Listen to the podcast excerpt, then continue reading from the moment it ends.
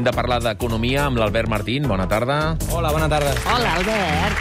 Nova, nou capítol d'aquesta teoria econòmica. A veure, vols parlar sobre cotxe elèctric? Sí, I la sí. seva eclosió, dius?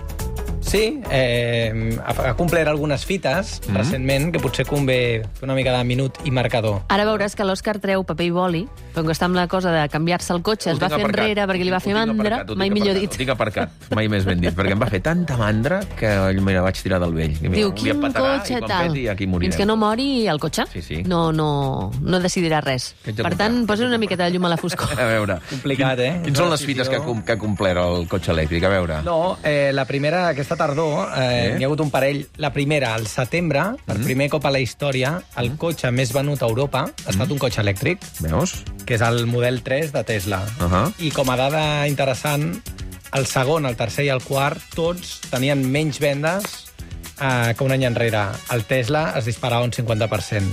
Uh -huh. Perquè el Tesla, eh? O sigui que... Sí. Tesla en concret. El, el, el Model 3, el Model 3 de Uh-huh. Tesla.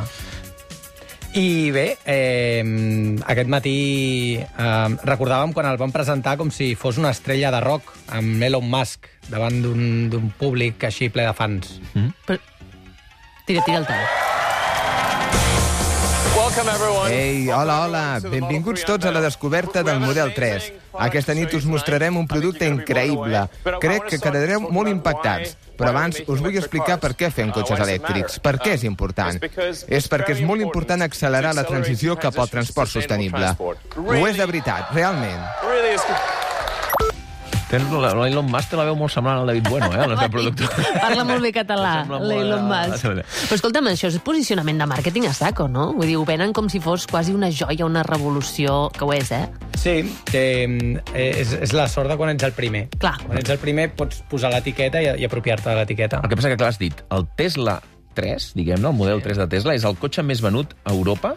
Ha El sigut? mes de setembre. I quina mitjana de preu? Però clar, és que és caríssim, no, un Tesla? Sí, té aquesta, aquest mèrit afegit perquè val entre 49.000 i 61.000 euros. Hòstia, Òscar, aquest treu-lo de la llista, A eh? mi alguns me'n demanaven 30.000 i em semblava caríssim. Uau, i per sí, tant, sí, no, sí, sí. No, no, 40... Ullo. Sí, i clar, una mica el dubte és, eh, diguem, ens hem adonat, diguem, de manera planetària tots que, que el, el planeta no va, no va enlloc així i que hem d'acabar amb els motors de combustió. Bé, sembla que no. Hem estat eh, demanant a algun expert mm. Mm. que ens pogués explicar eh, i en l'explicació que ens donaven eh, hi ha un vell conegut d'aquest espai, que és la crisi dels xips. Home. La crisi Home, dels... ja hi som. Torna. Fet que molts cotxes que són la competència del, del Model 3 eh, no hagin, no, no, no, no s'hagin produït, no s'hagin venut, etc. És a dir, que la gent ha comprat el Model 3 aquest de Tesla perquè no trobava el cotxe de benzina perquè, per culpa dels microchips. Ah, exacte. Se n'han fet menys, se n'han venut menys, i o anaves al concessionari i et diuen bueno, doncs has d'esperar 9 mesos. Mm. -hmm. Amb la poca paciència que tenim actualment, dona'm el Tesla, Has de doncs. tenir 50.000 euros, eh? Per, per gastar amb un Tesla. Poca no? paciència i molt de temps. I poca paciència, correcte. Què més? I no, doncs una mica el que ens preguntàvem és si això va de debò. És a dir, Mhm. eh, ah, Ho ha tirat on tocava, eh, l'Enric? Passa que ho ha marcat poc, l'Albert. Perdó, dir, perdó. Va de debò? I aleshores tira xan-xan. Va de debò? veure, Va de debò o no va de debò aquesta aposta pel cotxe elèctric? el tema és que el tirarà cada dos per tres. Mira, com riu. No. Digues, digues. No, eh, el tema és que eh, actualment a Europa, de cada 100 cotxes que es venen, només 10 són elèctrics. Uh Mhm. -huh. Per tant, no ens podem flipar massa, eh? no ens podem entusiasmar massa. A Espanya és el 2%, el encara percentatge menys. de cotxes elèctrics que es venen.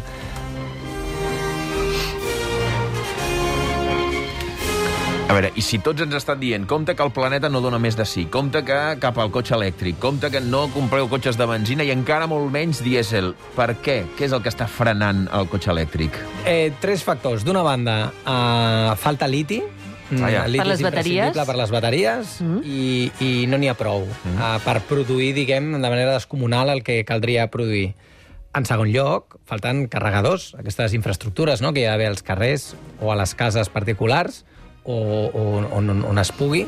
Falten carregadors. Eh, I en tercer lloc, és un tema econòmic, de butxaca econòmic d'ajuntaments, d'insti- de- de- d'administracions que puguin pagar aquests carregadors i també dels pobres compradors de cotxes, que hem de recordar, fa uns anys, diguem, el, el cotxe més venut a Europa valia uns 18.000 euros, perquè ens fem a la idea del tipus de l'Ibiza. Mhm. Després Sí. va passar a ser del, del, de l'ordre de 25.000 euros perquè ens fem a la idea del golf. El golfito, sí. Sí, eh, per tant, estem lluny. Estem a 40-60.000 euros, clar. I no sé si la gent no en treu els quartos, eh? No, no, Podem demanar miracles. Eh, Tot i amb això, què? Continuarem per, per aquesta línia o no? És a dir, hem de seguir pensant en el cotxe elèctric, Sí, sortirà alguna sí. altra cosa, el tema del liti com el solventaran? Faran bateries d'alguna altra cosa? El tema del liti realment no, no sembla que sigui fàcil de resoldre, però sí s'han fet passes que no semblaven tan fàcils de fer fa uns anys, mm. que és que totes les eh, marques grans importants s'hagin convençut que han de fer aquest gir, i que si no fan aquest gir s'exposen, eh, diguem, al desastre, no? Um, el, ta- tant en l'any 2017 com el 2018, eh, sindicats i patronals i associacions de concessionaris, etc havien intentat, eh, s'havien adreçat al govern espanyol per demanar ei, si plau, poc a poc amb el cotxe elèctric. No correm massa, que ens farem mal. Per què ho deien, això? Bé, perquè Espanya és el setè fabricant del món de cotxes i resulta que per construir un cotxe necessites més treballadors, un cotxe de combustió, més treballadors que dels que necessites per construir un cotxe elèctric. Uh -huh. I aquí hi havia una pèrdua de llocs de feina que, que preocupava. Ara, feliçment, tot això, tots aquests debats han quedat enrere. Uh -huh. I ara estem tots, doncs, això, que, que està tothom amb la transició i està tothom fent plans per, uh, per poder tenir els seus propis cotxes elèctrics. Mm. Per exemple, plans que fa el president de SEAT, Wayne Griffith. Yo y nosotros en SEAT somos optimistas porque tenemos por delante un reto apasionante. Electrificar esta compañía y impulsar la electrificación en toda España. Hoy damos un paso gigante con el lanzamiento del Cupra Born, el primer coche 100% eléctrico Born en Barcelona.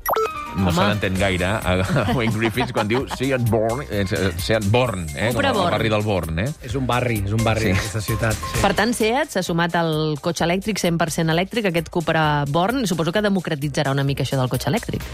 Sí, és SEAT i per No? tant la, la, les seves games de preus són, són inferiors al que, al que estàvem comentant. Mm. Parlant d'aquest tema, Sí. eh, dues coses en paral·lel que va bé parlar-ne. Uh, dues empreses de les que hem d'estar pendents. D'una banda, els amics de Wallbox. Què és això, Wallbox? Doncs això encara se'n pot dir una startup. Són uns, un grupet d'estudiants de SADE que l'any 2015 es van decidir a comercialitzar eh, carregadors. Uh -huh. eh, d'aquests, diguem, petitets que pots tenir al pàrquing de casa i Que, de fet, és un dels, un dels punts febles del, dels cotxes elèctrics, no? que no tens carregadors per fer grans recorreguts o, o carregar a prop de casa, no? Correcte. I diguem, eh, la gent de Wallbox, que el 2015 no existien, diguem, van, van començar aleshores el seu camí, um, ha estat aquest estiu que s'ha sabut que, bueno, que han sortit a la borsa de, dels Estats Units amb una valoració de 1.200 milions de dòlars. Ara em deia l'Enric que, que ho estan patant, als Estats Units. Sí, sí. Eh, I fan el, el, el carregador, és a dir, on, on endolles, eh? O la Sí. bateria. Sí, no només el carregador. El I, carregador, no, eh? i, I no només, eh, o sigui, diguem, cada cop estan perfeccionant més aquesta tecnologia. Ja no només carrega el cotxe, sinó que és el cotxe, si tens un excedent d'energia, pots passar aquesta energia a la teva llar. Mm, I bé. posar el rentavaixelles aquella nit i tal. Uh, això és un, una gent de Barcelona i, i convé que ens fem a la idea de, de, de que aquest nom el sentirem molt en els propers anys. perquè Wallbox, no, eh? Perquè no passa cada dia. Uh -huh. A la història de Catalunya es calcula que hi ha hagut tres unicorns, que són empreses que en cinc anys arriben als 1.000 milions de, de dòlars. I quines són, aquestes tres? Doncs, si no m'equivoco, són eDreams, Globo, Wallbox. Imagina't. eDreams va ser a principis de segle, Uau, Globo és més recent, sí. Mm. i Wallbox. I Wallbox es té la gràcia que això és un tema industrial. I segur que la- l'ocupació, el tipus d'ocupació de la indústria és sempre de més qualitat. Uh -huh. Per tant, has dit que volies parlar de dues empreses que tenen a veure amb aquesta revolució elèctrica de l'automoció. Una seria Wallbox, amb aquest carregador Sí. que et pots instal·lar a casa i que et permet carregar el cotxe i si et sobra energia, en, endollar-la, entre cometes, a la instal·lació de casa. I la segona empresa? Bé, farem una triada, eh? Però, Ah, tres, va. eh, sí, perdoneu. Eh, volia parlar d'empreses que tenen un valor enorme en borsa. Uh -huh. Són empreses d'automoció, uh -huh. que, eh, això, les veus en el rànquing. Ara mateix Tesla val el mateix en borsa que les nou empreses més, més, més importants del món, que van totes a continuació. Um, però és que en el rànquing s'han colat Rivian, que és la tercera, que no ha venut mai cap cotxe. Estan en ello. Ah, carai. I Lucid, que és la vuitena, totes dues nord-americanes, que eh, ha començat a vendre cotxes ara fa un mes. Doncs aquestes, en fi, valen més que Volkswagen, perquè ens fem Mhm. a, a, la, a la idea.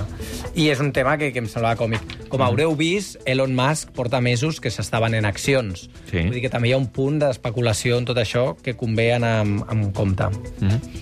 I què més volies explicar? Doncs el cotxe elèctric ja estem, uh. -huh. i sí que hi ha un tema que aquesta setmana se n'ha parlat, que és ai, ai, ai, ai, ai, ai, la sisena onada. Sí, No sé si- bueno, si- i ara avui fa- estem Ai, ai, explicant ai. que a Àustria fan un confinament... És veritat que quan la gent escolta confinament pensa en el confinament que vam tenir aquí, en què la gent no podia sortir de casa, i no és això el que fan a Àustria, però el que fan a Àustria sí que tanquen tots els negocis que no són essencials. Per tant, restaurants, botigues de roba, eh, qualsevol botiga que no sigui d'alimentació, pràcticament tanca. Alimentació i salut, Sí, bàsicament, farmàcies, etc. Això l'economia s'ho pot permetre? Una onada de confinaments d'aquest estil? Bé, diguem, eh, la part bona és que venim de viure situacions tan extremes i tan dures que una mica ens hem adonat que, que sí, que, que el món no s'atura i que el món segueix girant. Però realment eh, seria complicat que això passés. Hi ha una cosa molt curiosa a l'economia que sempre convé recordar, mm. que és que l'economia no depèn d'allò que passarà, sinó d'allò eh, que creiem que passarà. Per què? Perquè si ara nosaltres tres ens convencem que tot anirà bé, mm. doncs potser tu t'animaràs a comprar-te aquest cotxe que tens al cap eh, i, i, i jo faré aquelles vacances que mm. no sé què... Perquè estem convençuts que això no ho para ningú. Anirà tot perfecte. Ens convencem. I per tant ho fem això. El factor psicològic de les crisis, eh? Els estats d'ànim no sabem ben No, sí, bé sí, sí. d'on- d'on sorgeixen, però és veritat que de vegades eh, ens, ens pot una onada de pessimisme, diguem, planetari, i, i de vegades doncs, ens deixem portar per l'eufòria. Quan hi ha eufòria hi ha consum, i el consum fa... Home, els missatges polítics fan molt. Els a vegades que dius, no saps què és primer, la situació positiva o la comunicació d'aquesta situació Clar. positiva perquè acabi sent positiva, no? De, com Pedro Sánchez fa uns mesos deia, ja estem començant a encarar la sortida de la crisi. Si ho repeteixo mil vegades, potser la gent segueix fent despesa i així sortim de la crisi. Això és el que es coneix, això que dius, com la profecia autocomplerta, mm. eh, que és una cosa meravellosa, perquè tu dius que tot anirà malament, finalment, com tothom s'espanta, la cosa va malament, has tingut raó. En positiu també funciona. Aleshores, jo, jo us proposo, diguem, a l'hora de, de preguntar-nos com de malament ens aniria una sisena onada, mm. eh, què ens passarà aquest Nadal, com ens afectarà aquest repunt de casos de, de Covid, etc. Um, que mireu en el vostre entorn personal, no? en les vostres famílies, els vostres amics, si veieu la gent, diguem, eh, diguem aterrida i en moda tornem al búnquer, uh -huh. O si veieu la gent eh, més aviat amb, amb ganes de celebrar fortíssimament eh, el, el Nadal. La B. Jo crec que sí. Jo també ho crec. Està tothom crec amb que ganes de, de gastar i de Sí. comprar i de fer estic coses. optimista. Diuen que els optimistes ens equivoquem més, però som més feliços. Per Molt bé, tant, us, doncs, us convido. Per tant, segons tu, no ve, no ve una onada de tancaments, no? Perquè, perquè al teu, al teu voltant veus que la gent no... Em, em, costa, em costa de veure-ho, però ens equivocarem, eh? un cop i un altre. No, el dubte és saber que fa 15 dies què passava a Àustria. Correcte. Si No, veien a venir o no. És, veritat que ja hi havia un repunt previ Sí. de casos. Mm -hmm. Molt bé, doncs escolta'm, aquesta és la profecia de l'Albert Martín, la enregistrarem i així, si veu, a veure si es si compleix. una onada... Profecia autocomplerta. Em castigareu. I compro un cotxe elèctric, no? Dos. El tants com puguis. No, no, doncs així malament, rai. No s'ha volgut mullar. Malament, rai.